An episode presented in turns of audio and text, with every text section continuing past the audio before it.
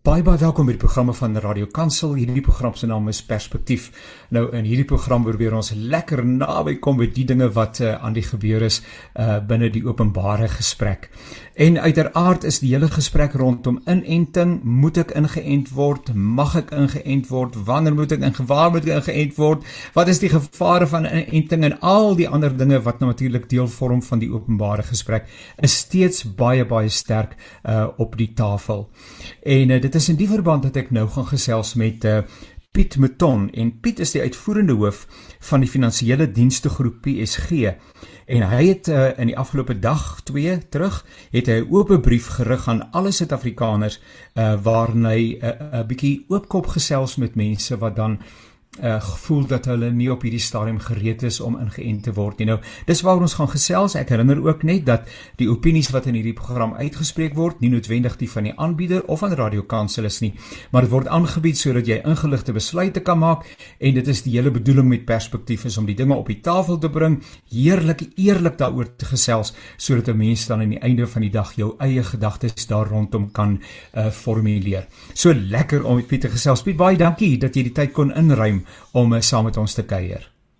Goeiemôre Jannie, is lekker om op jou program te wees. Ek vermoed dat as uitvoerende hoof van die finansiële dienste groep PSG, ek hoor die naam PSG baie baie uh, op die radio, uh, jy moet 'n redelik besige man wees. Ja, ja en nee, ehm um, die PSG waarna jy verwys is eintlik PSG Consult. Ons het eintlik 'n 60% belang in PSG Consult. Dis die mense wat baie op die radio praat.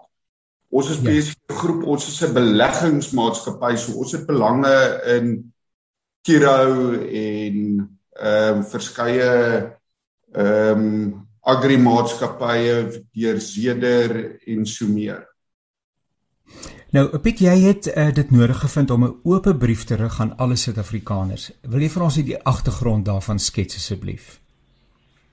Kyk, ons brief kom van 'n ekonomiese agtergrond. Ons almal weet dat inperkings het 'n bewese negatiewe impak op die ekonomie. Ehm um, as ons net kyk na die werkloosheidsyfers ehm um, en wat gebeur het met mense wat hulle werk verloor het van COVID daar is ek meen is meer as 'n miljoen mense wat hulle werk verloor het.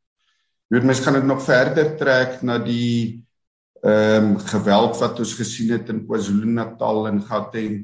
Mense is honger en desperaat. Nou ek is nie 'n dokter nie. Ek wil dit net duidelik maak. So ja. ek kan nie debatteer oor ehm um, of inentings goed is vir jou of sleg is vir jou nie. Ek dink die Amerikaanse FDA sou dit nooit goedgekeur het as dit sleg was vir jou nie. Ehm um, maar die lande wat 'n groot genoeg persentasie van hulle bevolking ingeënt het, is weer aan die gang. Ja. Nou met die oop brief wat jy geskryf het, ehm um, en dan soos jy self sê vanuit 'n sterk ekonomiese vertrekpunt, ehm um, uh, wil ek myself voorstel en die brief in sy totaliteit is beskikbaar by Netwerk 24 as mense dit daar wil gaan lees.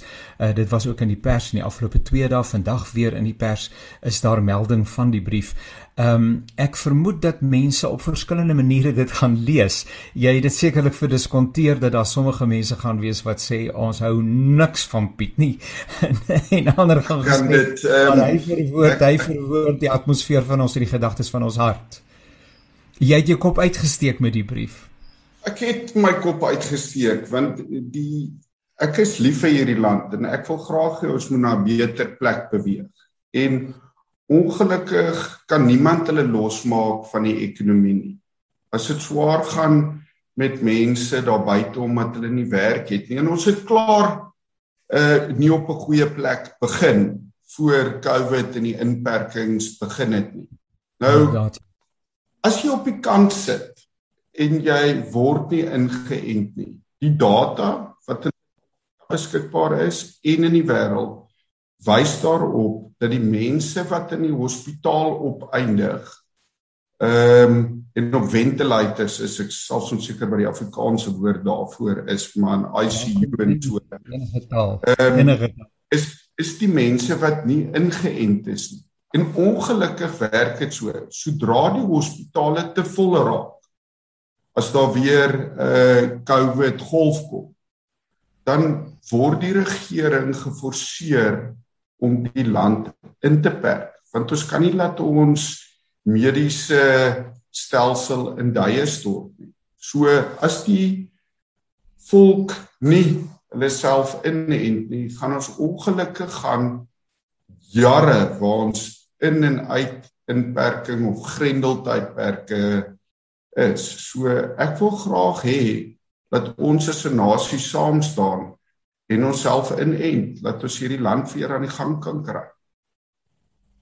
Ek uh, haal net hier aan in jou oop brief vir statistiek vanaf 6 September 2021 uh, het die Groot Skuur Hospitaal in Kaapstad 156 COVID-19 pasiënte opgeneem van wie slegs 3 ingeënt was.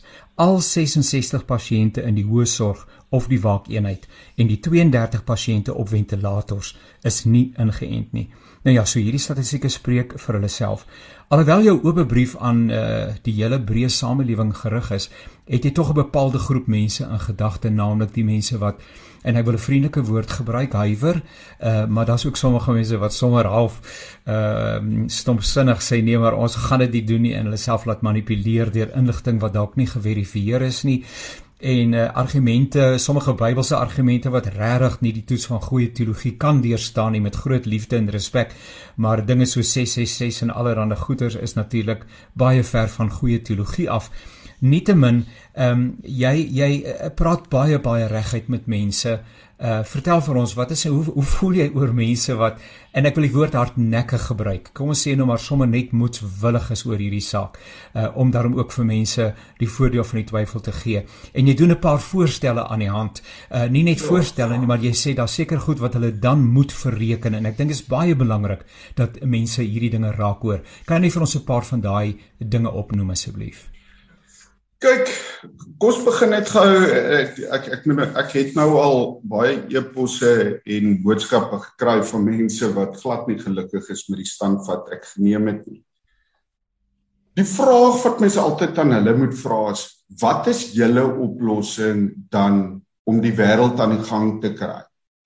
So as jy op die kant wil sit en nie ingeënt moet word, moet jy darm met 'n alternatief vorendag kom om die lewe na normaliteit terug te laat keer.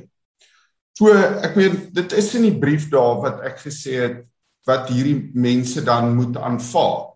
Ek dink jy moet aanvaar dat jy jy mag nie kla oor die ekonomie nie. As jy 'n klein besigheid het en daai mense verstaan ek glad nie wat sukkel, sê nou maar jy 'n gastehuis of 'n klein hotelletjie of 'n restaurant of so en jy jouself in en Nee, dan kan jy mos nie kla ehm um, as jou besigheid sukkel of dit gaan onder nie. Ehm um, jy moet dan ook aanvaar as dienstelewering van munisipaliteite en so meer nie reg is nie dat dit is maar omdat daai mense ook nie ingeënt is nie. Dan moet jy aanvaar dat hulle besluite geneem soos jy besluite geneem het. Dan moet jy aanvaar dat hier en daar gaan 'n slegte dienslewering Maar wat vir my baie erger is, is jy vat jy maak besluite soos ek nou die skole vat as 'n voorbeeld. Ek het 3 kinders op skool. Hulle is in en uit die skool uit want dan sit oop, dan sit toe. En 'n groot deel van die bevolking is so ver agter op ehm um, onderrig. Ek dink nie jy kan dan kla oor die resultate wat ons onderwysstelsel uh lewer nie.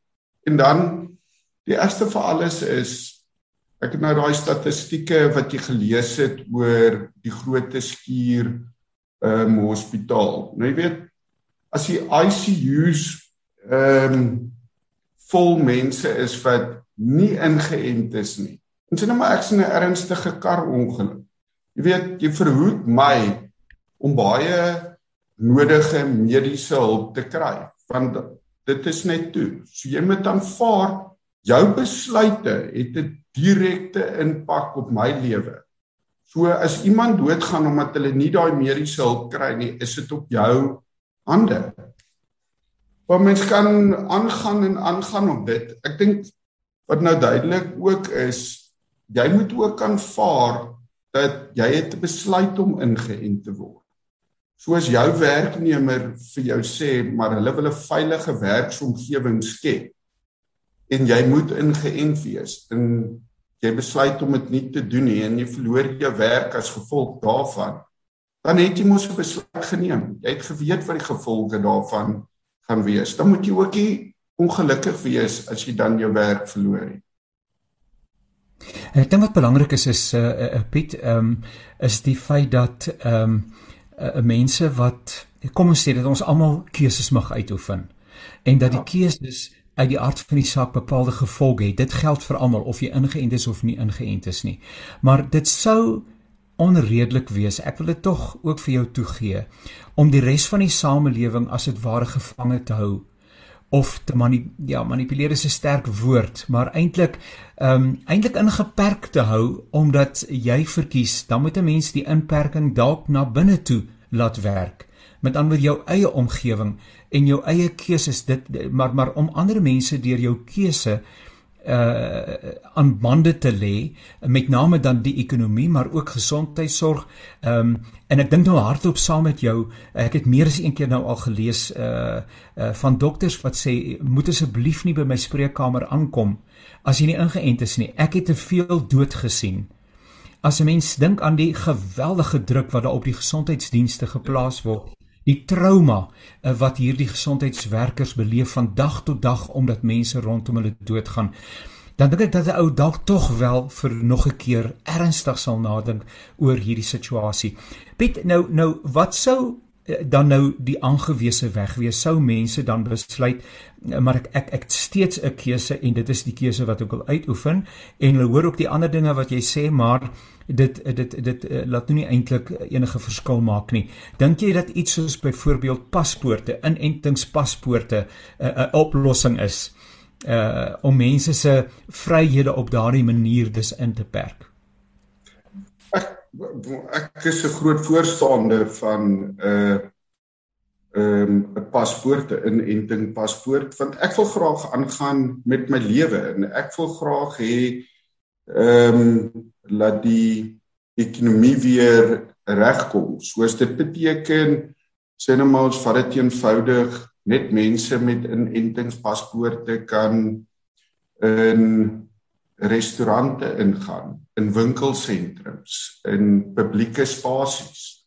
Ehm um, kan jy dink hoe lekker dit sou gewees het as ons hierdie leeustoetse eintlik maar kon gaan kyk het meen hulle kom elke 12 jaar hier verby. Dit was tragies om te sien met daai leë stadions, maar hulle kon ons nou gesê het almal wat ingeënt het kan kom. En dan ja. is ons 'n uh, duidelike skeidslyn in die lewe tussen die wat ingeënt is, gaan aan met normaal en die wat nie wil ingeënt word moet gelukkig wees. Hulle stem dan mos nou eintlik vir inperkings. So hulle moet eintlik maar tot 'n mate gelukkig wees uh, met dit. Kyk ons 'n ander vraag wat hulle gesê het dit tas jou menseregte aan om ehm um, ingeperk of of of om mense te forceer om ingeënt te wees. Nou ek sê inperkings tas ook my menseregte aan. Maar my vrou het eintlik 'n interessante voorbeeld gegee. Kom ons vat veiligheidsgordels. Dit is wet om 'n veiligheidsgordel te dra. So maar daar is mense wat doodgaan as gevolg van die dra van 'n veiligheidsgordel.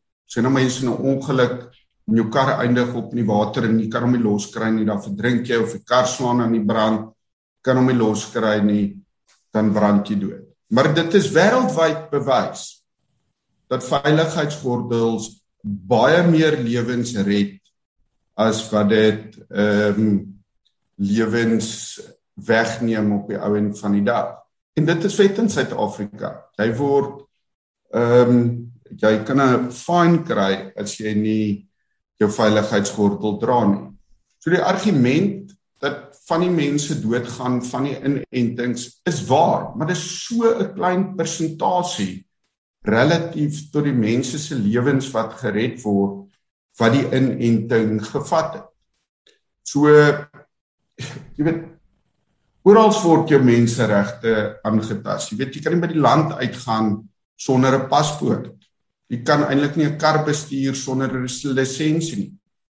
So ja. daar's ons kan nie net aangaan soos wat ons wil nie. Ja, dis die twee kante van een munt, nê? Nee? Uh, uh so daar bestaan nie 'n ideale wêreld nie, maar daar's 'n meer ideale situasie daarom. Uh en uh, miskien is dit juist die geval uh, met inenting. Net laastens, uh daar is maatskappye um, en en besighede, uh, belangegroepe, uh, samelewingsverbande wat sê uh, dat ons dwing ons personeel uh op byvoorbeeld om wel ingeënt te wees as hulle hier wil werk. Uh dink jy dit is 'n 'n ding wat 'n mens behoort te doen? Wel, ek dink alle maatskappye ehm um, nommer 1 volgens die wet moet 'n veilige werksomgewing skep. Ja. En ehm um, om mense terug te kry by die werk en effektief te werk, moet jou werkers terugkeer. Ja. En as mense nie ingeënt is nie, dan ehm um, skep jy nie 'n veilige werksomgewing vir jou mense. Dis een van die groot redes hoekom maatskappye hulle werkers teruggestuur het dat hulle mekaar nie aansteek en doodgaan van ehm um, COVID nie. So ek dink daar's bewese redes om te sê as jy hier wil werk om jou medewerker te beskerm, moet jy ingeënt word. En dan is dit redelik eenvoudig. En kom ons praat van jou kliënte ook. So nou 'n restaurant. En die kelners en so moet ehm um, ingeënt wees. Hulle moet tog die mense beskerm wat na hulle uh, wat na die restaurant toe gaan. So ek dink mense moet ook aanvaar en is deel van daai besluite. As jy nie ingeënt word, moet jy nie baie erg ongelukkig wees as jy jou werk verloor. Jy het daai besluit uitgeoefen. So ek is ek sê ek wil niemand forceer om inenting. Ek wil graag 'n beroep doen op mense om vir die land en se beswil as lief is vir jou medemens en die land doen asseblief 'n inenting en as jy nie ingeënt word nie aanvaar soos die gevolge daarvan. Dis eintlik maar my boodskap. Nou ja, dit is die mening van Piet Mouton, hy is die uitvoerende hoof van die finansiële dienste groep PSG. Hy het uh, in die week 'n oop brief gerig aan alle Suid-Afrikaners waarin hy sê dat mense wat weier om ingeënt te word, dan nie nou moet baie kla oor die inperkings nie. Hulle dra eintlik daartoe by. Uh, maar meer belangrik is dit hulle ontneem mense van hulle werk en dalk hulle kinders van opvoeding.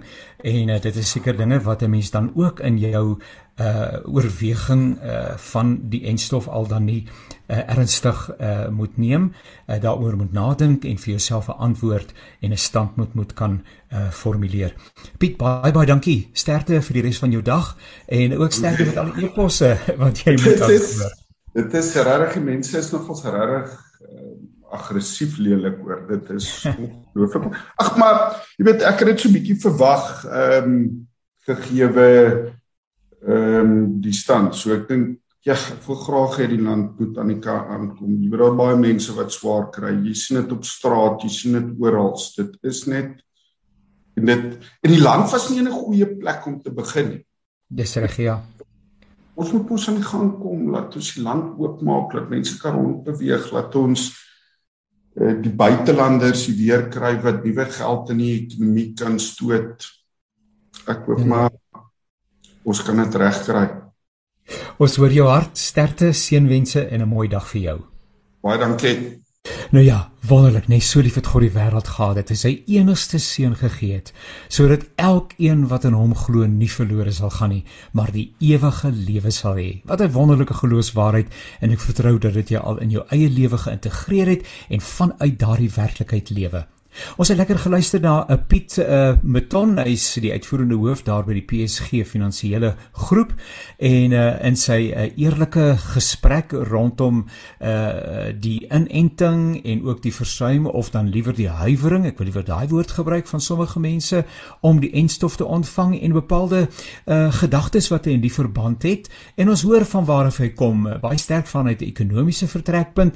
En hy sê ook dat hy's nie Amerikas nie, 'n ekonomiese vertrekpunt standpunt, maar dit hom tog geweldig bekommer dat die ekonomie eintlik op die rand van 'n totale ineenstorting is tensy daar herstel intree. So dis baie belangrik dat ons hierdie dinge in gedagte sal hou. En jy kan hierdie oop brief van Piet Meton kan jy gaan lees by Netwerk 24. Daar sal jy die hele brief kan volg. En ag, ons is kinders van die Here. Ons praat daarom op 'n mooi manier met mekaar. Dis my ontstellend dat hy sê dat hy aaklige e-posse ontvang. Nietemin. Uh, ek herinner ook vir jou dat die standpunte in hierdie program wat daar gehuldig word, nie noodwendig die van Radio Kansel is nie of van die aanbieder myself Janie Pelser nie, maar dat dit aangebied word sodat jy uh jou eie besluite kan maak en dit is so naby aan die nuus as wat ons kan kom hierdie brief wat uh broer Piet Meton geskryf het. Ek sê sommer broer Piet Meton hè, geskryf het oor sy gedagtes en sy bekommernis oor die hele inentings episode. En is in hierdie verband uh, ons het in die verlede al uh by verskeie geleenthede gesels en ook ingespeel uh gesprekke wat ons gehad het met mense wat 'n pad geloop het met COVID-19. Ehm um, hier is dit nie anders nie. Ek het gesels met Gustaf Gous en uh, Gustaf Gous is 'n uh, ja, hy's 'n wêreldreisiger, baie baie bekend uh en uiters bekwam as spreker en uh ook 'n uh, persoonlike vriend kennis en um, hy het ook COVID onderrede gehad en hy deel 'n paar van sy ervarings uh, en hoe dit in sy eie lewe weerklank gevind het in sy verhoudinge en in die besonder ook in sy geloofslewe. En dan uh, luister Christus, daar's 'n besondere moment waarin hy die aanraking van God deur die Heilige Gees, ja, ek wil sê tasbaar ervaar het en hoe dit ook sy lewensrigting uh, bepaal en steeds ook uh, vir hom voortstuur die toekoms tegemoet. So ons gaan baie baie lekker luister na uh, Dr. Gustaf Gous en uh, ek is seker dat hierdie gesprek vir jou baie baie gaan beteken. Terwyl van tyd uh, het ek sommer uh, die my vragies, jy sal dit onmiddellik kan raak hoor wat was my volgende vraag, maar ek wil graag vir hom uh, al die tyd gee wat hy nodig het sodat jy die gesprek in sy totaliteit uh, kan hoor. Lekker luister. Tussen 2 en 19 Januarie was ek in hoë sorg met COVID um, in Kloof Hospitaal in Pretoria en ek het by die dood omgedraai. Ek het die poorte tussen die of die oorgang tussen die lewe en die dood gesien en deur die genade is ek vandag hier om die storie oor te vertel en ek het ek het oorleef um, as gevolg van vyf redes.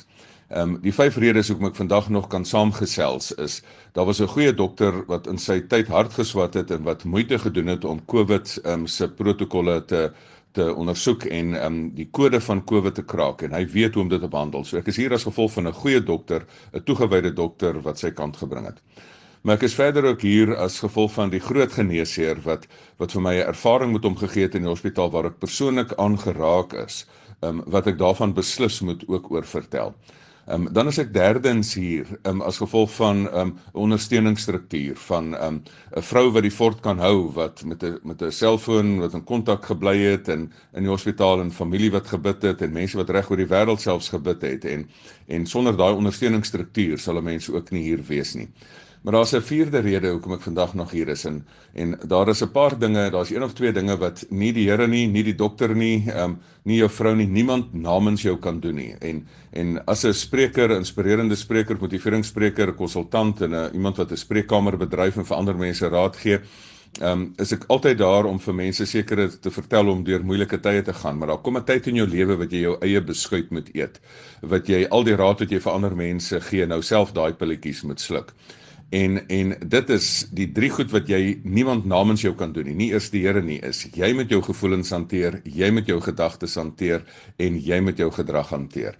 Um en omdat ek in die hospitaal aktief ook gewerk het dat jou gevoelens nie met jou weghardloop nie, dat jou gedagtes jou nie in die put van donkerte gaan invat nie. Um dit is een van die redes hoekom ek ook vandag hier is dat ek dit kon toepas. Maar die laaste rede is jy het ook 'n immuniteitstelsel. Weet jy die Here het vir ons almal um, in die liggaam 'n stelsel gegee wat jou help om jou gesond te maak. Ja, jy word siek, maar raai wat maak jou gesond? Dit is dat jy inspel op die um, immuniteitstelsel. Het sy deur intervensie in die hospitaal of deur vaksines of wat ook al. So um deur die genade is ek nog hier om die storie te oor te vertel as gevolg van vyf redes: 'n goeie dokter, 'n goeie Here, 'n goeie vrou en familie. Um um ek self wat my eie kant moes bring en myself my eie gees moes positief hou. Um en natuurlik um die liggaam wat vir hom wat vir jou as hy vir jou um immuniteitstelsel het, as jy hom regtig reg gebruik, dan kan jy deur COVID kom. Hoe ek agtergekom het iets was fout. Ehm um, vroeg in die pandemie het ek het ons vir ons daardie ehm um, oksiemetertjie gekoop wat jy so op jou vinger sit. Want daai temperatuurmetertjies is nie baie betroubaar nie, maar daai dingetjie wat jou uh, bloedsuurstof saturasie meet is nogal 'n betroubare dingetjie. Maar glo my, toe ek nou op vakansie gaan Drakensberge toe, ehm um, daar het ek die ding nie saamgevat nie. Drakensberge dink ek, maar hoekom slaap ek so baie in? Wat is ek so moeg en dink dit is nou maar net vakansie dat ek nou maar soos daar in die vars lug wil jy altyd meer slaap en en ek, en, en deur die genade ehm um, uh, oefen ek toe nou hard maar ehm um, dit het toe nou nie permanente skade gedoen nie maar ek dink dit het gemaak dat ek dat ek baie seker geword het. Want ek hou aan oefen. Ek sit daar en oefen teen daai bulte en ek het tiener dogters en hulle jaag my en daag my uit en maar ek daar besef ek hier's iets groots fout. Ek begin nou na asem snak Ehm um, en soveel so dat die dag voor ek huis toe ry, toe besef ek Gustaf, nou is dit 'n uh, ek moet nou net lewendig by die huis kom. Ek moet nou bestuur. Ek onthou nog hoe baie keer ek die venster oopgemaak het, amper instinktief asof ek net dan sê my mense, "Hoekom maak jy die venster so baie oop?" Maar eintlik na die tyd besef ek dis wat ek wat na asem gesnak het. Um, en en um, toe ek by die huis kom, uh, toe besef ek, luister, hier is groot moeilikheid en toe ons daai suurstofmetertjie op my vinger sit, toe besef ek hier is dit nou omtrent rondom 80 en nou is daar 'n probleem. Die dag wanneer 'n man wat ehm um, nie eintlik eers in enigstens in pille glo nie, ek glo net in Vitamiene C en die gospel, ehm um, en iemand wat omtrent 30 jaar laas in die hospitaal was met 'n groot rugby besering nekoperasie en sedertdien net een keer met 'n spierbesering in die hospitaal was, as jy opstaan ehm um, op die 2de Januarie en jy sê vir jou vrou, ehm um, pak asseblief my tassie, ek gaan nou hospitaal toe. Dan weet jy jy is jy's siek, jy is nie op 'n goeie plek nie. En deur die genade was daar 'n bed en 'n plek in die hospitaal, ehm um, want ons orrelis van die ou gemeente is die bestuurder van die hospitaal en en kon met hom reël dat ek daarom opgeneem word in die hospitaal. Ehm um, en ehm um, as jy dan daar instap en in ongevalle dat hulle vir jou sê meneer ehm um, right, jy gaan nie weer hier uit nie, jy gaan reguit um, opgeneem word.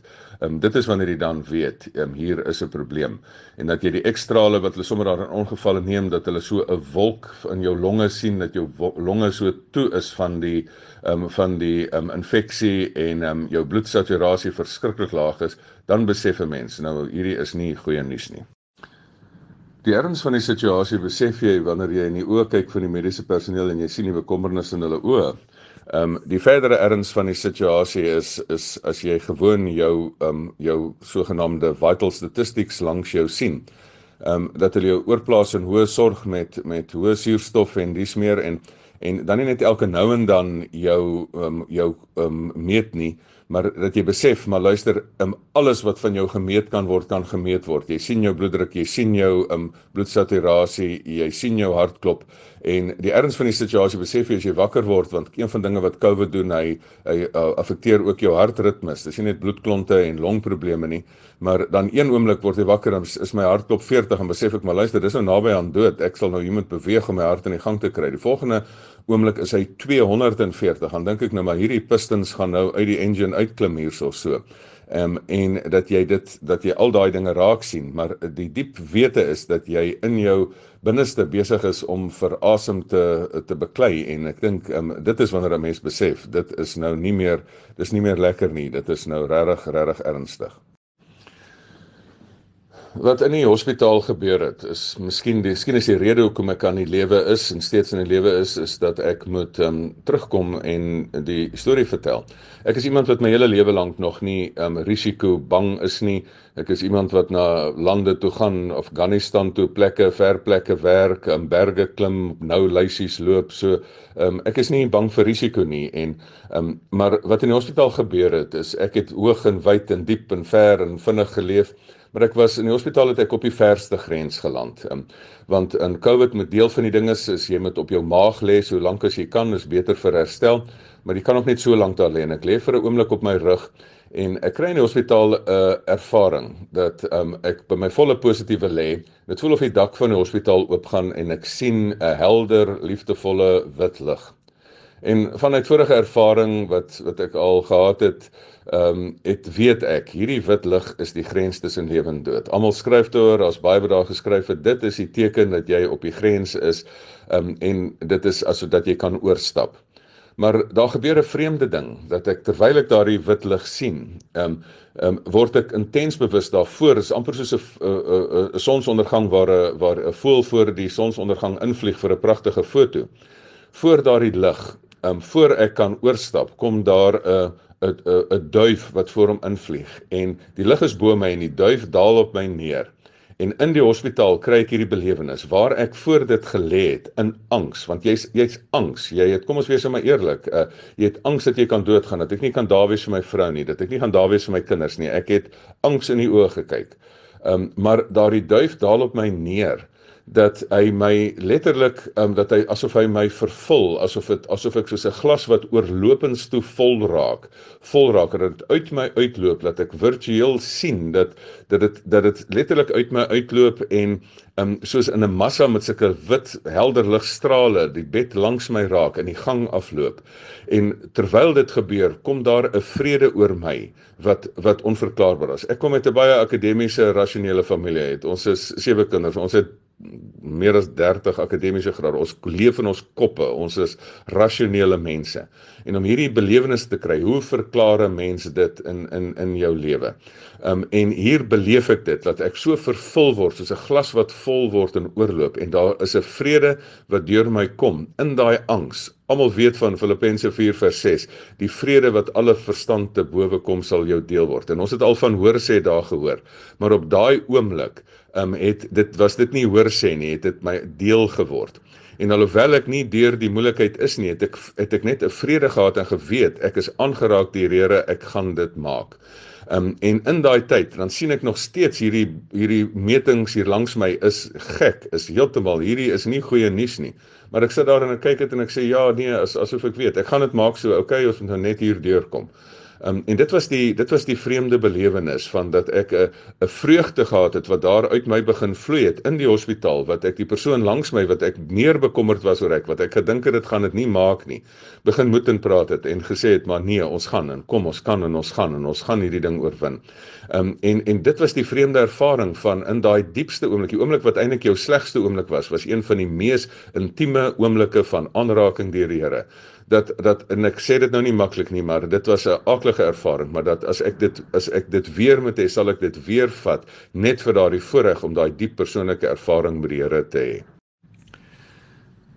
Na die diep geestelike ervaring van die Here het ek eintlik 'n vreemde stukkie vrede beleef want waar jy alleen is en jy die risiko gehad het dat jy dat jy alleen sou kon sterf want ek het daar voorheen gevoel dat ek op hier so op die rand van die afgrond is voordat dat enige uh, vlaag van wind my sommer net kan oorwaai um, na die doodse kant toe en dat dit aaklig sal wees om alleen te sterf. Het ek eintlik besef dat 'n mens nie alleen sterf nie. As jy 'n diep persoonlike in, in verhouding met die Here het, dan is jy selfs in daai laaste oomblik nie alleen nie.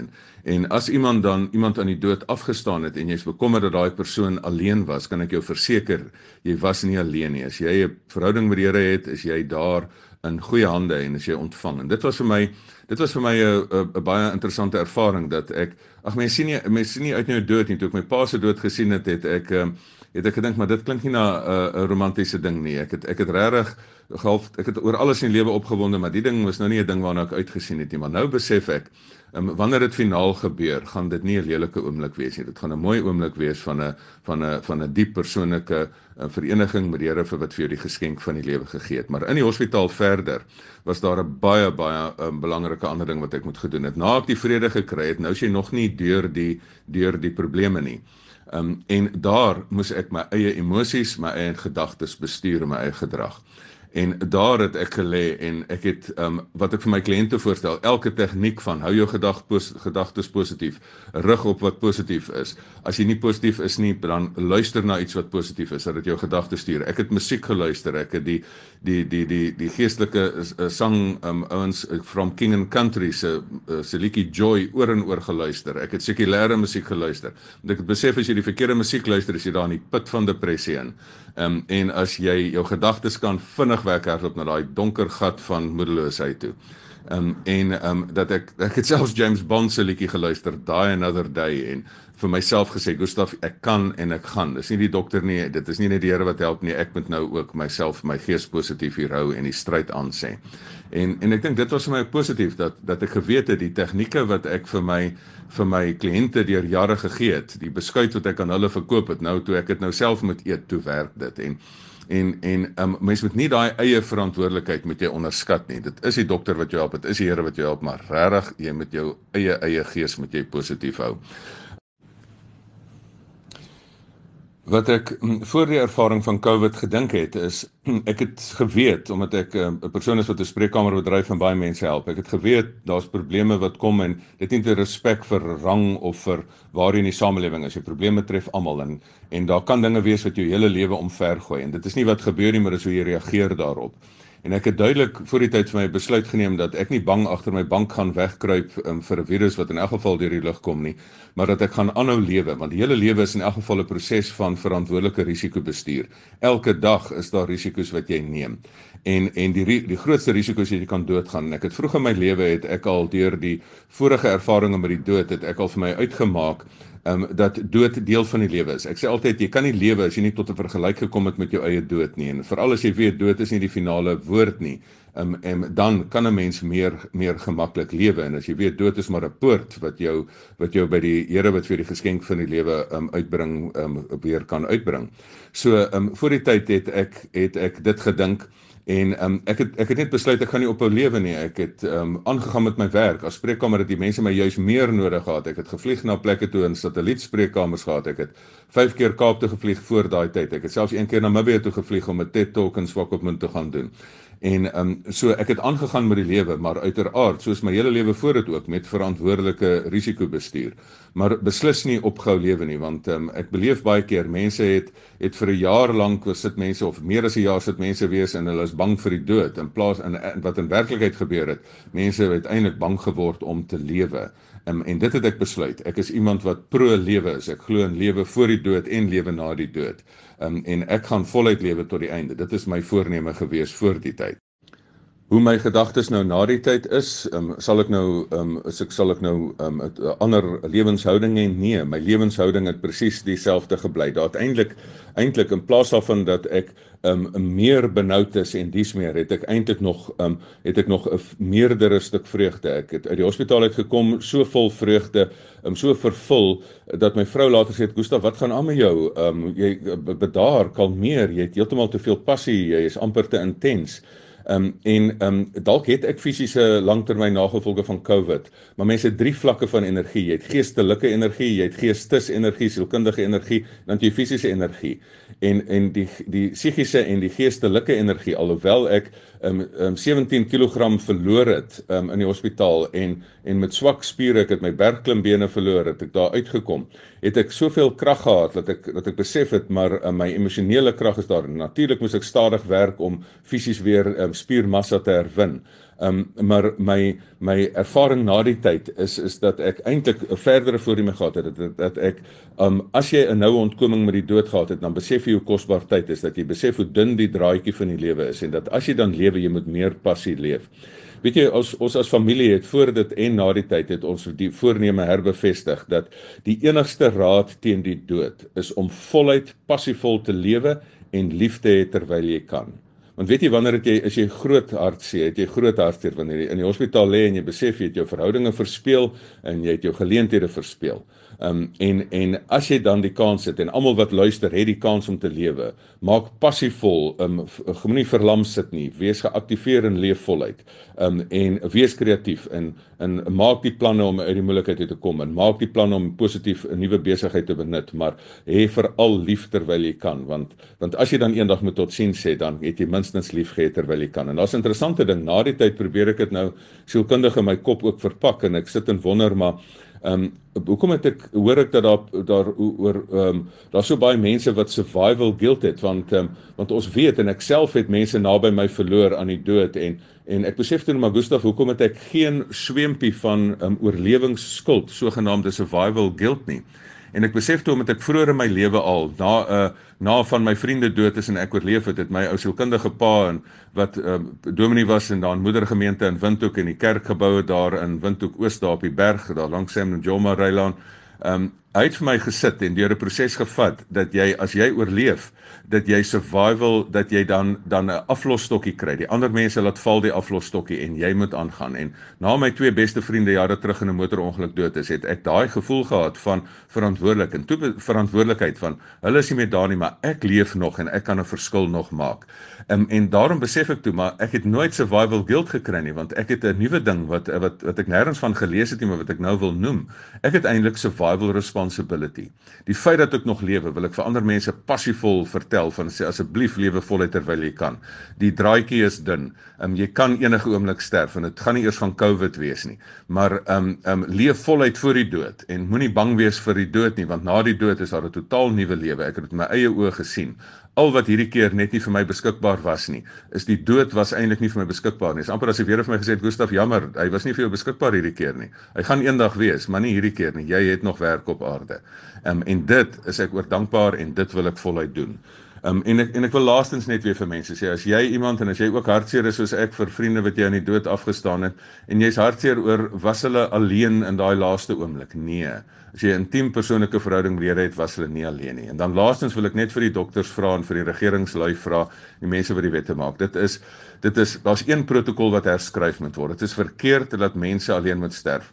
Kyk as iemand hulle self wil blootstel en en iemand se hand wil gaan vashou. Jy kan tog nie almal in die hospitaal het COVID, so jy kan tog nie moeilikheid daarin dra nie. As jy met jou beskerming daar wil instap en die persoon langs jou se hand wil gaan vashou, asseblief herskryf die protokolle, want dis die een ding wat nie reg is nie, dat die mense so alleen is nie. Um, maar um, maar wetende, selfs wetende dit, weet ek in daai laaste oomblik is mens nooit alleen nie.